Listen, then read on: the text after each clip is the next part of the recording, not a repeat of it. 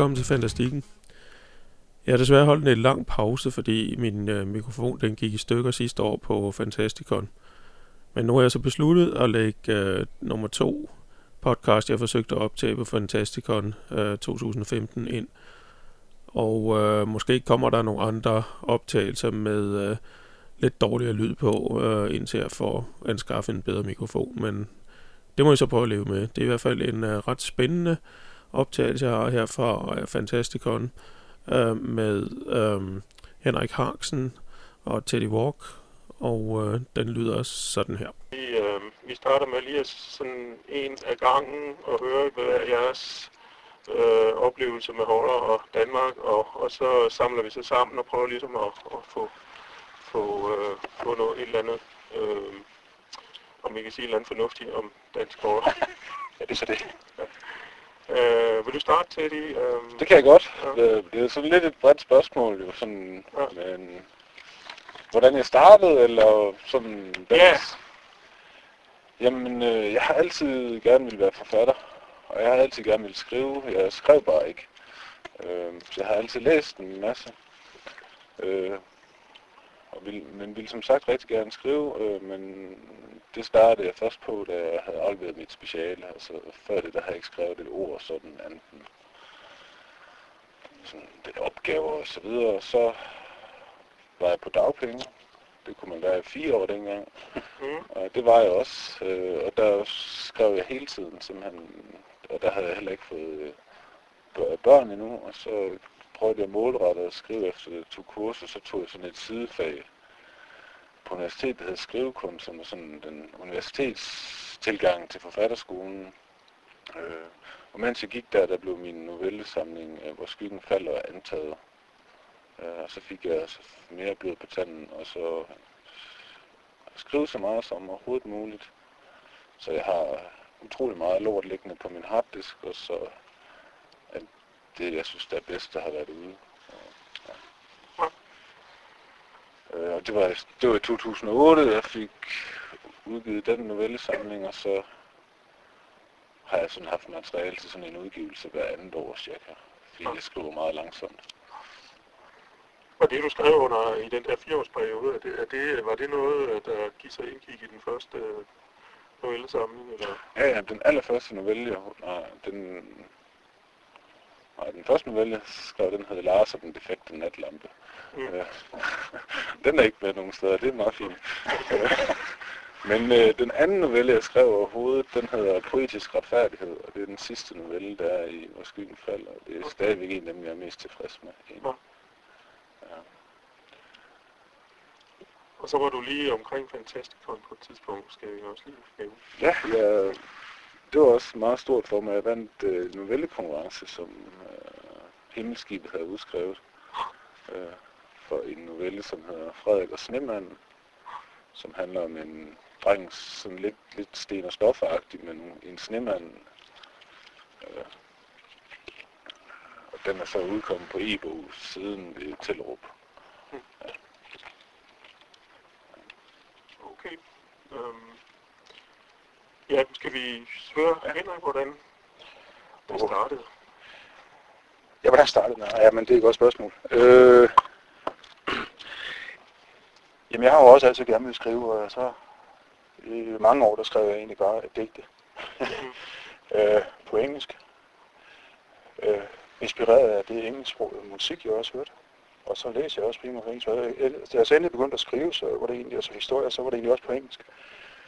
Og noget af det første, jeg fik færdiggjort, det var faktisk noget fanfiction til Forgotten Realms. Øh, og noget af det sendte jeg ind til, øh, jeg tror nok det stadig hed TSR dengang i USA. Okay. Og fik faktisk pænt øh, brev tilbage fra redaktøren om, at øh, det var vældig underholdende og interessant, men, men øh, jeg skulle prøve lidt mere show, don't tell. okay, og det irriterede mig selvfølgelig dengang, det var før internettet, det irriterede mig rigtig meget, at ah, prøv at høre her, så bliver det jo ikke den historie, jeg gerne vil fortælle. Nå, så var det, hvad det var. Og, øh, Men det var så på engelsk, jeg Det var på engelsk, og det var først der, jeg startede i det hele taget. Øh, så besluttede jeg mig jo for, at øh, det kunne være interessant. Jeg har også altid godt tænkt mig at udgive bøger selv. Ikke min egen historie, men andres historier. Fordi jeg synes, der var rigtig meget talent. Og i starten, der synes jeg, det skulle være i udlandet også. Altså tanken var slet ikke i Danmark. Øh, og tanken var USA og lignende. Ikke på grund af storhedsvandet, men simpelthen fordi det var det, jeg selv læste, og det var der, jeg synes, der så ud til at være med. Så jeg anede ikke, hvad der fandtes i Danmark. Og så startede jeg så mit forlag op, oprindeligt med tanken om, at nu skal der gøres noget ved øh, Lovecraftiansk fiction, fordi der var lidt for meget prestige. Øh, altså hvor det bare var sådan en eller anden, nu handler det bare om at ramse endnu et monster op og endnu en, en ny bog, øh, som er horribel, og alle bliver sindssyge, og, og der var ikke rigtig noget nyt øh, på det tidspunkt, der i øh, midten af 2000-tallet, der, og det irriterer mig først lidt, og tænkte, det kunne være sjovt at prøve øh, noget, og så gik jeg bare i gang, og så var jeg så heldig at få kontakt til nogle øh, folk i udlandet. Jeg øh, havde jo kontakt til øh, ja, Lovecraft-miljøet i udlandet med S.T. Joshi, som øh, er forskeren inden for det, og en masse folk deromkring. Og, øh, nogle af dem ville gerne skrive til det, og andre de kendte nogen, som godt kunne finde på at øh, aflevere noget til mig, hvis det var. Og øh, så stille og roligt fik jeg samlet en samling sammen. Og så havde jeg så også tilfældigt nok lige selv skrevet en historie, også på engelsk, som kunne passe til den samling. Øh, og så samlede jeg det sammen, og det, øh, jeg kan godt se, at det var et eller andet sted er noget klyt nu, men det skulle starte et sted. øhm, og sidenhen er der så sket et kæmpe boom, hvor det faktisk er meget mere interessant Lovecraftiansk fiction, end der nogensinde har været før. Mm. Øh, men det vidste jeg jo ikke dengang, da vi kom. Øhm, og det var så min indfaldsvinkel, det var nemlig det der det engelsksproget. Og så fandt jeg jo så ud af, at det kunne også være lidt sjovt at dyrke det danske marked. Ja. Og det begyndte jeg så at gøre, og så har jeg også selv skrevet en smule på dansk, men jeg udgiver jo primært altså andre. Ja. Og det er så det, jeg bruger mest tid på. Det er så egentlig lidt et problem. Jeg har ikke så meget tid til at skrive med dig. Mm. Øh, men jeg får da udgivet lidt, ja. Men du fortsætter også med det engelske, som er til? I forhold til min egen skriveri, der er det det primære. Ja. Okay. Øh, og det er lidt sjovt, fordi nej, jeg er ikke amerikaner eller noget som helst, men, men det er... Øh, jeg får idéerne på engelsk. øh, det er engelske sætninger, der dukker op. Mm. Øh, primært, det er jo ikke kun det, men, men primært. Og så øh, øh, har jeg jo så været så heldig, at jeg fik jo udgivet noget sidste år på et amerikansk lille forlag, og det var jo bare fantastisk. Øh, indrømmet, der skal der nogle øh, folk til at gå ind over for lige at korrigere sproget, inden det sendes videre for mig, men jeg er også også heldig, at jeg kender for, øh, amerikanere og australier, hvad ved jeg, som lige kigger på det, som er goodwill. Øh, så det er primært på engelsk, jeg selv har udgivet min egen historie. Øh, men jeg har da også skrevet på dansk, og det er også gammel fra bøger, blandt andet med Lars Kramhøst. Ja. Øh, og også gammel med firebindsværk, som jeg en gang bliver færdig med. okay. Firebindsværk. Ja. Ja, det er sådan en mashup af alle genrer, fordi det, det kan ikke passe, der skal være genrebegrænsninger. Ja. Det må altså, være det, der skal være. Selv, eller? Ja, min egen. Ja, okay. Så jeg har et par noveller, jeg arbejder på, og så er jeg i gang med firebindsværk. Der er ingen grund til at lave sådan en enkelt roman eller to. okay. Men er det så engelsk eller dansk? Det er dansk. Ja. Okay. Jeg skal ikke skrive romaner på dansk. Det tror jeg er lidt for, eller på engelsk. Det tror jeg er lidt for. Okay. Ja. Ja.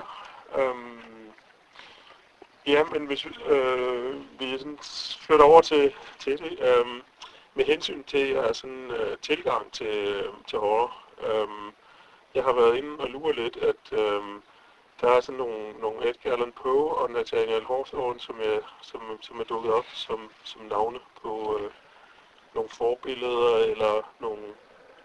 Jamen det er fordi, ja, det er nok fordi, at jeg skrev speciale om øh, den amerikanske gotik, den måde de tog en gammel genre i Europa, og så gjorde den helt ny. Øh, så, så de er helt klart forbilleder, og de bruger gotikken, eller det er uhyggeligt på to vidt forskellige måder. Mm. Men altså begge to har været med til at inspirere mig. Men jeg tænker sådan en som, som Poe har alle, der kan lide sådan noget nok læst og er vældig inspireret af, så, så det er der ikke noget nyt i. Mm. Hawthorne, han er sådan lidt mere en stille og rolig. Han bruger det mere sådan symbolsk for at komme med nogle... Altså han skriver nærmest allegorier. Mm. Øh, men sådan nogle tvetydige allegorier. Øh, men stille og roligt, og det kan også godt være lidt kedeligt at læse, men nu skulle jeg læse det, fordi jeg havde valgt at skrive om ham. Men øh, det er ikke sådan, at der, der er smæk på, at det er plotdrevet på nogen måde. Det er mere stemnings og sådan, altså det der symbol, så kan han bredes ud over et symbol over flere sider. Det er ham, der har skrevet, det mest berømte, han har skrevet, er The Scarlet Letter, som og så blev den filmatiseret med Demi Moore i hovedrunden. Øh, hvor der simpelthen er en kvinde, Hester Prynne, som hendes mand er præst og bortrejst. Nej, han er ikke præsten. han er bortrejst. Og så får hun, men hun får et barn simpelthen med anden, er der ikke nogen, der ved, hvem der er faren til det barn. Og det finder den foregår i 1600-tallet i New England, øh, hvor puritanerne, de første øh, indbyggere i USA, de er, de, altså puritaner, det er sådan indermissionsgang i 20. Øh, så, så de, øh, hun får simpelthen sat et stort A på sig, så A for adulteress, på brystet. Øh, stofsygt, ikke tatoveret eller brændt eller noget, men sat på os. Og det der symbol af A, der står for Adolphus, men så gennem bogen, så kommer det til gennem Hawthorns omgang med symboler til at betyde alt muligt andet, også angel, ebo, fordi at hun, hun klarer det der. Men det viser sig så, at hendes mand ikke er død. Øh, han har været taget til fange indianeren, han er kommet tilbage. Og hans største opgave bliver så at finde ud af, hvem er det så, der er faren til, til det barn. Det er så præsten. Nu behøver du ikke læse den. Øh, Men øh, det, der er interessant ved den, det er, at han bruger alle mulige sådan, gotiske figurer, og der er sådan en figur, som kan kaldes øh, The Overreacher, eller det, det er sådan en faustisk figur, der giver køb på alt for at opnå et mål. Altså sådan den ultimative faustiske figur, det er måske Frankenstein, mm. som giver afkald på alt for at opnå den der magt større end gudernes, eller på linje med gudernes. Det er sådan også den der Icarus-myte igen. Og alt muligt. Det gør han Hester Pønnes mand der, han giver køb på alt for at finde ud af, hvem det er, der har gjort ham til handrej. Øhm, så det, det, der var interessant, det var, at han kunne bruge alle de der gotiske elementer i noget andet. Og det, det er sådan det, jeg har været inspireret i, i det, jeg skriver, det er, at man kan bruge alle de her figurer, arketypiske, gestikuleret helt vildt. Man kan bruge alle de der ting, og så kan man sætte den ind i en anden kontekst, en anden hverdag. Øh, for eksempel sådan noget som altså sådan en tro eller tro eller sådan, sådan, sådan som varulven for eksempel. Altså, det har jeg altid synes, det var et meget kikset monster. Øh, det, det, det, er jo bare sådan en stor hund, altså den er jo ikke farlig. altså, øh, altså, det har jeg aldrig, det har aldrig kunne skræmme mig. Sådan, men kan man lave den om på en eller anden måde, og sætte den ind i en ny kontekst, så kan det, hvor det kommer tættere på, bliver mere dagligdags, kommer tættere på, hvilket til, at det er en, der tror, han er det, eller... Og så hvis man undersøger det, og sådan, så fandt jeg ud af, at, øh, at varvlen, den helt tilbage fra, så går jeg tilbage og kigger på vandrehistorier og myte og sådan noget, så varvlen, øh, den har, det var den måde, man i gamle dage øh, forklarede seriemord på. At, altså, den forbrydelse, den var så overdrevet og bestialsk, at den kunne kun beskrives ud for de menneskers forståelsesverden som, at det var et monster. Altså, så, det, så blev det interessant for mig, det der med, at okay, det er sådan en slags figur, og så kan man trække den tættere på med hensyn til med seriemord. Så finder man ud af alle mulige sjove ting, altså for eksempel, at eventyret Rødhætte, der er de allerførste versioner af eventyret, der, der er det ikke en ulv på noget, der er det en varulv. Mm. Altså, så, så, det, det er sådan, jeg sådan bliver lidt inspireret til min historie, det er at, at kigge på sådan noget. Eller i hvor høj grad øh, tager du noget fra, fra, fra, fra, fra den periode der i, i amerikansk litteratur? Altså der er de meget optaget af stemning, tænker jeg. Det er måske det, jeg har været inspireret af. Altså, jeg skrev meget om noget, der hedder Gothic Ambiguity, altså gotisk tvetydighed, som de opnår altså ved atmosfære, ved, ved tvetydigt lys og lyssætning og sådan noget. Altså, hvor altså, der er også en, hvor at, øh, alle Hawthorns historier, de foregår i, i det overnaturlige halsskygge. Altså, så det der med, at er det overnaturligt dig, så er vi inde på sådan noget fantastisk tøven. Det er det, jeg synes, at der er... Jeg synes, jeg spørger ligesom Totterov egentlig, sådan noget, den der tøven, du ja, altså, jeg er sådan, sådan fransk strukturalist, fransk-russisk strukturalist, Totterov, ja, at, at hvis man ikke ved, hvad der er på spil, hvad, hvad er, altså, hvor, altså, så bliver virkeligheden på spil. Er det noget, som er reelt, altså en varulv, eller er det noget andet? Altså man er i tvivl om fortolkning, simpelthen, og så er man i tvivl om verdens grundvilkår, altså hvordan vi fortolker verden, og det er der, jeg synes, det gør rigtig ondt. Det er der, jeg synes, at det er noget, det er uhyggeligt. Mm. Det er, hvis ens opfattelse af verden skrider, altså at blive sindssyg, for eksempel. Mm. Eller ikke at blive sindssyg, men opleve et eller andet, psy- altså noget psykotisk, og blive det ved. Altså, så bliver man jo syg. Det er noget af det værste, man kan blive. Mm. Og det synes jeg, det er mega skræmmende. Men det er sådan noget, hvad man siger, personlig horror, ikke? Altså det er sådan en, og meget af det inde i hovedet på, på personerne, og, og, og på læseren, ikke? Altså, Jamen, altid synes jeg ikke, det er uhyggeligt. Ja. At skrive, altså jeg kan, jeg kan rigtig godt lide alle mulige slags fortællinger, også med store, eksplicite monstre og så videre. Det kan jeg rigtig godt lide. Men jeg kan ikke skrive det for idéerne. Jeg kunne rigtig godt tænke mig at skrive en zombie-historie. Men det kan jeg ikke, fordi at, øh, jeg synes ikke, det er uhyggeligt på den måde. Jeg, jeg elsker at se det, jeg elsker The Walking Dead og så videre, men jeg kan ikke skrive det. Simpelthen. Så, så man- jeg mangler den indgang ind til, hvordan jeg kan gøre noget, noget andet. Det kan også godt være, at det kommer. Ligesom med varulv, for eksempel. okay.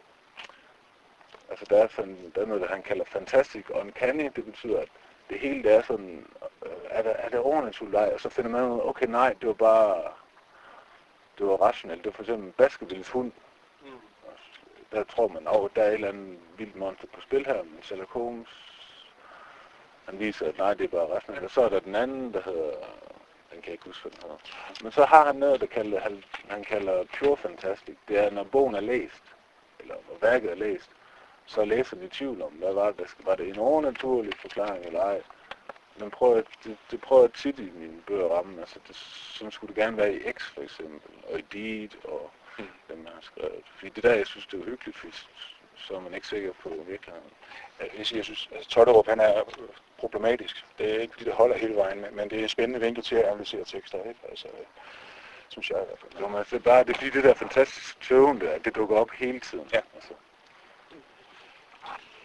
Øhm, hvis vi nu springer hvor mange år, du bliver en næsten 100 år eller sådan noget frem til, til, til Lovecraft. Ja, ja, det er jo min inspirationskilde. Men i virkeligheden er det meget samme udgangspunkt som uh, Teddy's. Altså det er i virkeligheden det her med, øh, det, er jo, øh, altså, det der inspirerer mig meget med Lovecraft, det er jo nemlig ikke det her med alle de her monstre, altså opremsningen og øh, bøgerne og sådan. Det er jo bare øh, overflader. Det jeg synes er spændende, det er jo i virkeligheden, den, hvor Lovecraft lykkes, så er det jo, at han kan skabe stemninger. Det kan godt være, at man øh, tror på, at det i misforstand er virkelig med det overnaturlige. Det, der er ikke i den forstand en tøven, men, men, men det er stemninger, der er det primære. Det, når man så samtidig læser Lovecrafts øh, breve, og ja, så finder man ud af, at det var også det, der var hans øh, mission. Altså, øh, han, plot, det var noget af det værste, og de få gange, han gjorde det, der var det noget af det mest elendige, han nogensinde har skrevet. Det synes han også selv, og med god grund, det er så blevet vældig populært, noget af det. Altså, Reanimator øh, er jo noget, folk elsker. Lovecraft havde det, det gør jeg også. Altså, øh, af forskellige andre grunde. Øh, med, øh, men stemningen bliver det vigtige, ikke? Altså, det her med at fange atmosfæren i det, er the dread, det der virkelig skaber rædsel, det er der, hvor tæppet hives væk. Og det, det sker i kraft af, at hvis du kan fange en stemning ho- hos selvfølgelig personerne i historien, som så kan blive beskrevet på en måde, så du som læser også kan få stemningen, så hiver du tæppet væk under folk. Og det er vigtigere end plottet. Men, men forskellen er vel, at altså, der er ikke den der tøven. Altså hvis du har læst en Lovecraft-historie, så er du helt sikker på, ham der vil spise et monster. ikke? Det er ikke sådan, om det var, han faldt måske bare ned i. Ja, men det er rigtigt nok, der er ikke tøven den forstand, og det er også det, der er selvfølgelig en forskel på i forhold til en decideret tøve, men, men der er stadigvæk det her øh, spændingsfelt, vil jeg sige, altså omkring virkeligheden. Altså Lovecraft selv, han mener, at man skal bruge det videnskabelige øh, forståelse af verden til ligesom at, at skabe en troværdighed. Det må være det, der bliver vejen frem. Og så skal vi bruge de rammer, der er sat, blandt andet med videnskaben, og så springe rammerne på den øh, konto, altså bruge det som afsæt til noget andet. Og ved at få folk til at købe præmisset øh, om, hvordan virkeligheden er, og det som vi kender det, og som videnskaben har fundet ud af det. Og så lige pludselig finde ud af, at hvis du forestiller det, så øh, viser det sig at være en helt anderledes skruet sammen. Ikke? Det er ikke en tvivl i den forstand, men det gør, at rigtig mange mennesker, moderne mennesker også, de, får, de finder jo lige pludselig ud af, hold da kæft, man kunne det være, at det hele er skruet anderledes sammen, jeg tror.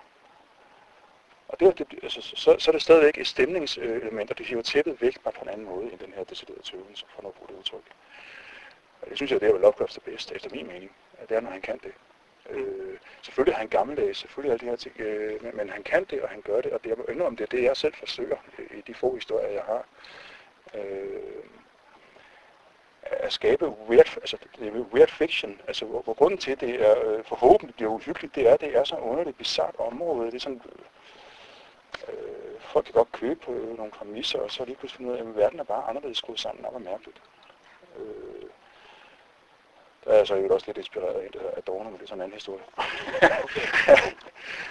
øh, sådan rent teoretisk. Øh, Det er godt, at vi Ja. er for teoretisk i dag. ja, Um, men jeg tænker på, Teddy, uh, den der tilgang med sådan lidt, lidt videnskabelig tilgang til horror, som Lovecraft har, er det noget, der siger dig noget overhovedet, eller er det sådan... Uh, uh, Altså sådan, du ved, med, altså med videnskab, sådan at, altså var det sådan over lidt det der med science fiction og sådan noget, eller? ja, det er jo i hvert fald det, han tog som afsæt, ikke? Altså, Okay. hvor han sagde, ud fra det kan vi skabe noget uhyggeligt. Ja, jeg prøver at undgå al naturvidenskab i mit liv. Øh, du har simpelthen haft en fysik, Ja, det er jeg er der simpelthen jeg er utrolig dårlig til det. Øh, Jeg synes, at science fiction er ekstremt interessant øh, at se, øh, altså, og, og læse, og sådan, men det er ikke noget, jeg kan skrive overhovedet heller ikke. Øh, det, jeg har ikke sådan, sådan nogle ting med overhovedet. Det er, det sådan, er lidt naturvidenskab i mit, altså så er det sådan inden for psykologien. Så hvis man kan sige sådan lidt, altså nok ikke den mest positivistiske videnskab i verden, men øh, det er sådan set det, nej. Øh, jeg kan huske, at jeg tror, jeg fik 0,3 i naturvidenskab i gymnasiet. Øh, og jeg havde min gamle folkeskolelærer som sensor, så det var ikke så godt. altså, jeg er rigtig dårlig til det der, altså. Okay. Jeg vil også sige, lige understrege, at det jeg er meget inspireret af det der, men, men i virkeligheden er jeg så mere, øh, jeg er jo også filosof og uddannelse, så det er jo meget filosofien, jeg har som vinkel, også faktisk på hårdere, og når jeg selv skriver, på godt og ondt. Altså, øh, og det er mere det, altså for mig bliver det interessant også, når det kobler sammen, og nu siger du psykologi, det er en ting, men jeg synes også eksistentialisme, altså det eksistentielle med, hvordan mennesket lever, altså det er jo der, hvor øh, rigtig mange af de her typer forfattere i virkeligheden også kommer ind og har noget at skulle sige, altså menneskelig tilværelse på, på alle mulige leder og kanter. Altså, og det er også det der med at hive tippet væk under en. Altså, det, det er også det, at blive sindssygt til sidst. Ikke? Altså, det er jo også tit, at ens grundlag, altså hvad det man troede var livet, og hvad ved jeg, det, det vælter på en eller anden måde. Ikke? Det er jo mange ting. Ja, og hele verden er jo bare bygget op. Ja. Altså, den er fuldstændig altså, den er bare bygget op. Altså, og dem, der er sindssyge, det er måske dem, der ser det som det virkelig er. Ja. Her tænker jeg ikke på noget overnaturligt, men, men hvor kunstigt det er. Altså, der er det jo sådan rent Matrix-agtigt, ikke? Altså, at øh, verden som et logisk sted, det er jo bare en menneskelig konstruktion. Og da horror kan måske godt vise, så viser det nogle gange nogle, nogle huller. Huller Måske er det jo vinduer, vinduer eller sprækker. Hvis ikke jeg har læst den samling, så skal jeg læse sprækker. Øh, altså hvis vi har øh, 1800-tallet, ikke? Altså, så er det stadig noget med religion og moral og den slags ting. Og hvis vi nu springer frem til sådan en som Lovecraft, ikke? Altså, så er vi så, så, så er Gud lige blevet myrdet, og, og, og eksistentialisme og så videre, så videre ikke? Nå, men man kan jo stadigvæk godt bruge symbolikker, man kan jo stadigvæk godt, altså det gotiske øh, fundament, det, øh, det, det eksisterer jo stadigvæk, og det er også det, for nogle år siden, for ikke så mange år siden, der sagde Leonora Christina Skov faktisk, at nutiden er gotisk. Det synes faktisk, hun har ret i. Altså det er jo det her med, det, det ukontrollable, det, det dulke, det, det undertrykte og, og sådan noget. Det findes der også i dag. Og der kan du jo bruge de her, øh, den her metaforik, som findes i butikken, den kan jo også bruges nu. Øh, der mener jeg faktisk, at lige når Lovecraft han har været en af stepping stones til at komme videre med den øh, slags, altså udvide øh, det felt, man kan, øh, kan bruge butik. Det kan vi da også gøre i dag. Jeg mener faktisk tættere et godt eksempel på det. Altså som en forfatter, der kan det. Jeg tænker altså faktisk, øh, hvis man sådan kigger på de begreber, man bruger i dag, altså de, mange af de ting, vi bruger til at forklare vores verden, det er, altså- det, altså det er horrorfigurer, altså, eller noget lignende. Ikke? For eksempel, hvis der er en, der har en depression, så er vedkommende indhyllet i mørke, eller hvis man, hvis man har problemer, så siger man, at hun, han, hun, han har nogle dæmoner, han kæmper med. Ikke? Altså, øh, hele det der billedsprog, den metaforik, altså, den, er jo, den er hentet direkte derfra, hun er en heks, altså, hvis du forstår, hvad jeg mener. At, øh, det er derfra, vi tager nogle billeder til at kunne beskrive noget svært, og det, det er så tit sådan til skrækken, vi, vi vender os der. Så det er noget, der sådan stadig giver genklang i os. Så, Ja. Jeg tror, det er sådan noget, der ligger simpelthen i kulturen, altså, det er simpelthen indlejret i ja, vores, hele vores konceptuelle apparatur. i den vestlige verden i hvert fald. Øh, Det der, altså, hvor man prøver at begreb, begrebsliggøre et eller andet, som der ikke er et begreb for, så må man bruge et eller andet. Så går vi tilbage til myterne. Og. Og så kan man så øh, arbejde videre på det, sådan, så det ikke bliver en gentagelse bare, ikke? Altså, øh, som du sagde, var vi prøve at finde en ny vinkel. ikke? Det er også det, der er interessant, når noget er hårdere. Altså, det er, når man kan det. Det er de forfatter, der, kan for, der formår det der med at sige, vi har det her, men hvordan pokker kan vi vinkle det på en ny måde? Så inden for de senere år er der jo stadig meget mere hårdere på dansk end, end før. Er det sådan, har I, kan I sige, altså hvad er jeres sådan generelle holdning til det? Altså, så holdning, altså jeg- det, det synes jeg bare, det er rigtig fedt. Men jeg tænker måske, det er meget naturligt, at, at det er sådan, det er, fordi at hvis jeg sådan tænker på mig selv, så at den alder, man har fået nu, altså jeg tænker, der er rigtig mange fra min generation og yngre og så videre, der, der er opflasket på en anden måde med den type underholdning, altså med VHS'er og, og hvad hedder nu, DVD'er, jeg tænker sådan noget som, altså sådan en som Dennis Jürgensen og så videre. Jeg tænker, generationen før det, havde måske ikke, den var måske ikke øh, udsat for den påvirkning af, af den type, og så når de selv begynder at ville udfolde sig på en eller anden måde, så, øh, så er det i de genrer, fordi at, at det, er noget, altså det har været dannende for dem i den periode, altså at jeg læste nogle ting, at læste Dragonlance, da jeg var 13, 14, 15, så det har da været dannende for min, sådan, min identitet, som det jeg godt kan lide at se tænker jeg, der er måske dem, der var der er 10 år yngre end mig, eller 20 år yngre, at det de læste var måske noget andet, det de udsagde. Altså, det var, så jeg tænker, at alle dem, der skriver det samme nu, altså, de har samme referencepunkter. Ja. Så jeg tænker, det kunne have lidt med det at gøre måske. Jeg er ikke sikker. Men det har bare været påfaldende, når jeg har snakket med andre. Mm. Altså, så kender vi, altså så er det, de åh, kan du huske, øh, altså, det, har du læst Grønne Øjne af Dennis Jørgensen? Ja, det har jeg. Det var bare pisse. Altså, jeg tænker, det er måske det, der danner ens fantasi, fordi jeg blev spurgt rigtig mange gange om, hvorfor skriver, hvorfor skriver du horror? Kan du ikke lade være med det? så, så, så det kan du, det, det har, øh, nej, det kan jeg ikke, fordi det er det, jeg skriver. Jeg har prøvet at skrive alt muligt andet, øh, men det bliver altid til horror alligevel. Altså. Så, Ja, Jeg er enig. Jeg tror altså, det er kombineret med, at der pludselig er en ny måde at udgive på.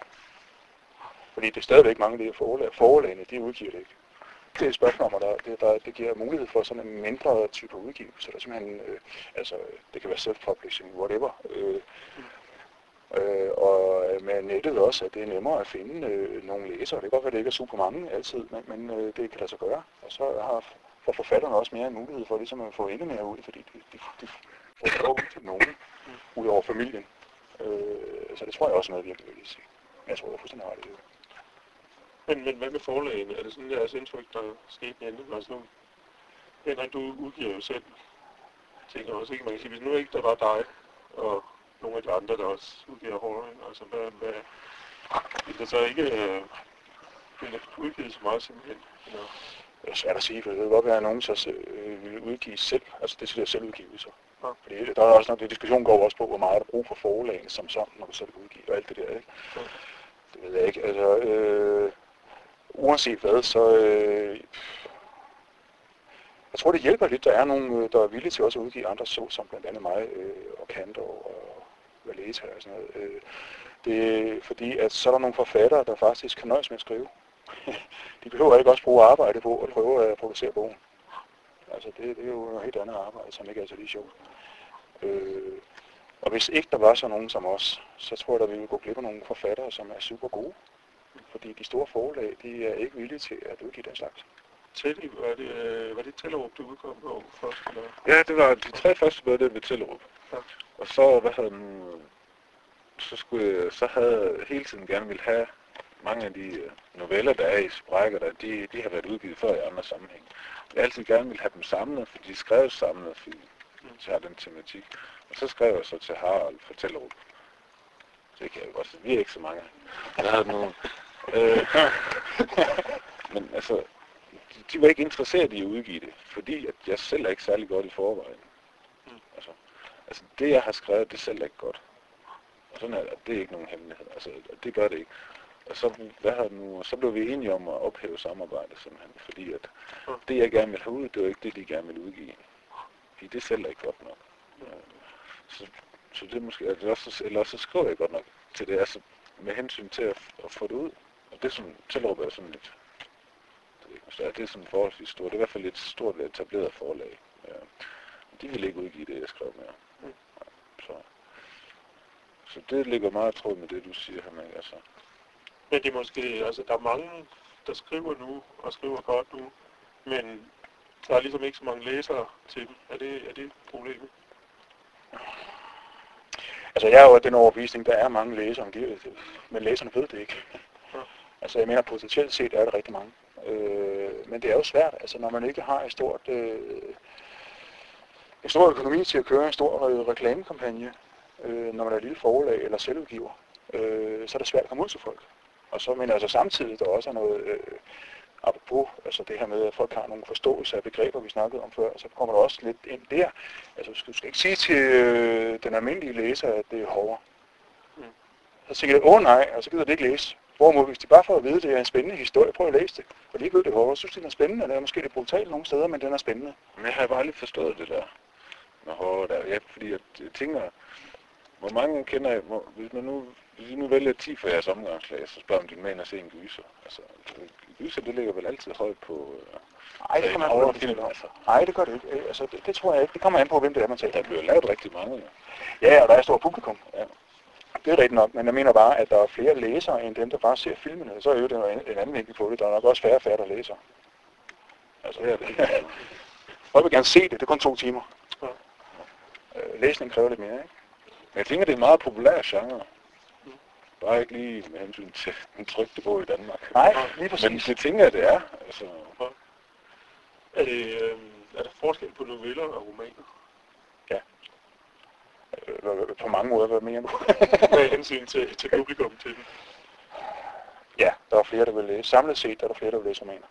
Det kan selv jeg som lille forlag godt mærke. Hvad med dig til? Kan du, kunne du...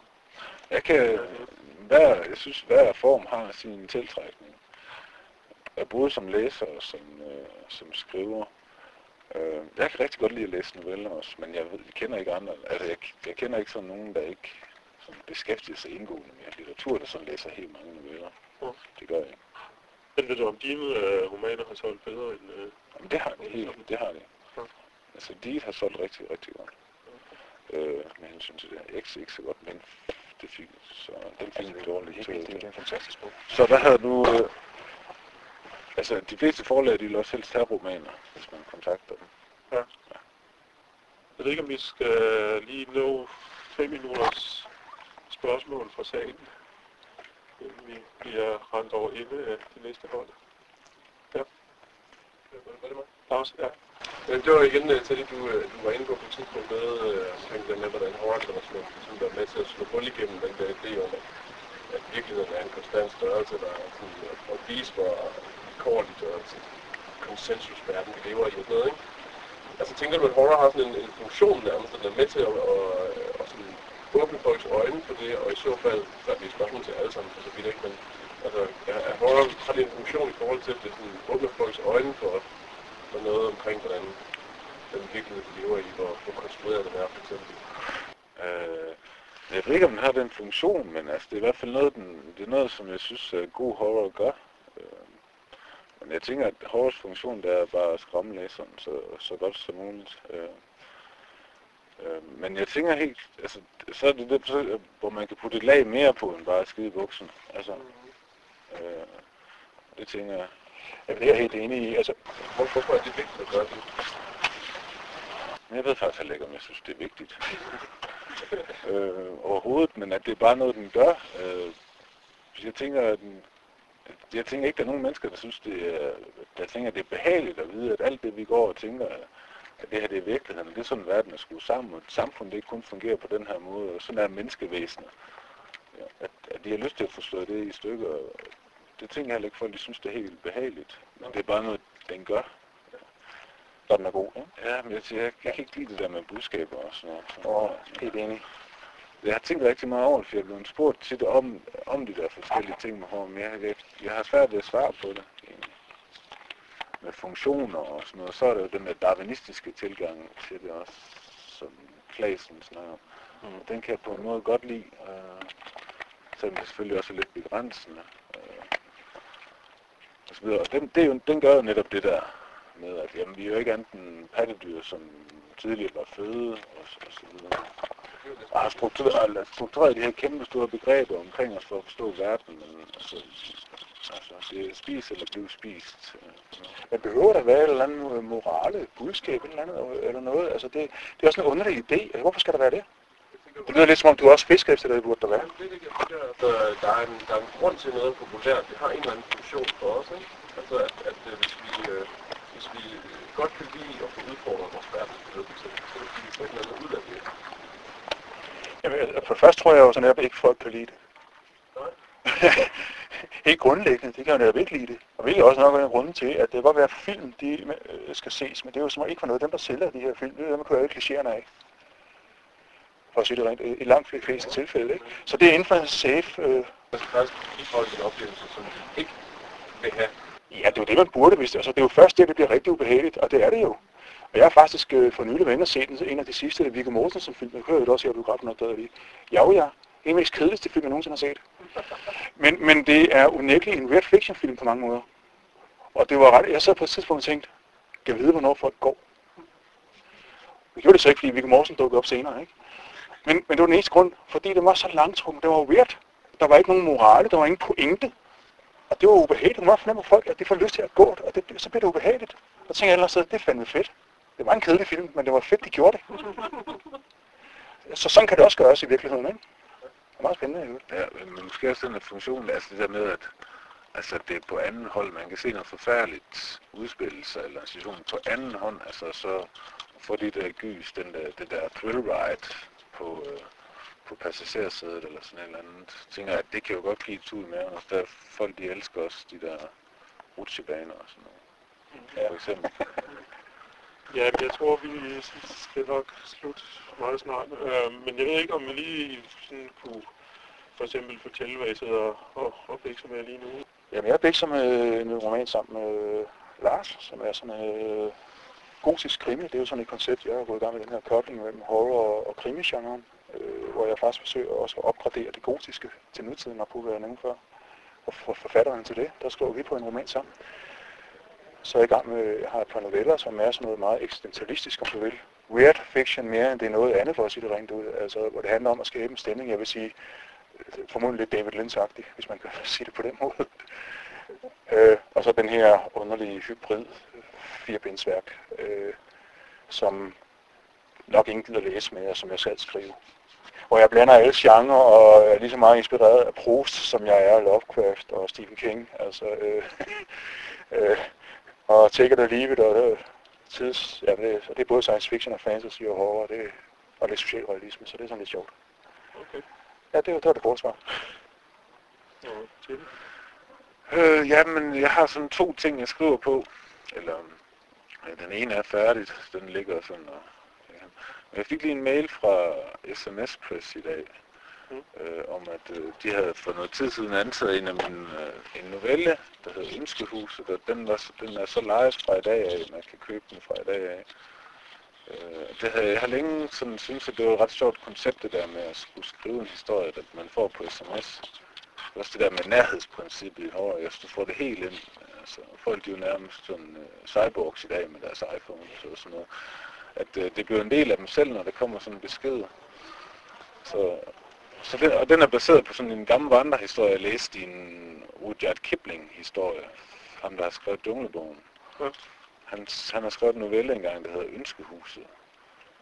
Uh, den her, jeg tror, det er en indisk, uh, indisk vandrehistorie eller sådan noget. Ja hvor øh, at hvis man har et ønske, så skal man finde et øh, ønskehus, og det er sådan et gammelt faldefærdigt hus, og så skal man have så kan man, så visker man igennem brevsprækken, simpelthen det ønske, man har. Så kan man høre den der, det hedder en token, der er ikke nogen, der ved, hvad det er, man kan høre den komme op fra kælderen af, og hen til brevsprækken.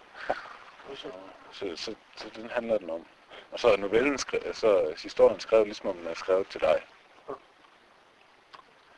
Okay, men øh, vores tid er løbet ud, men øh, mange tak til Teddy og Henrik for, at de ville snakke lidt roller. Tak, tak. tak.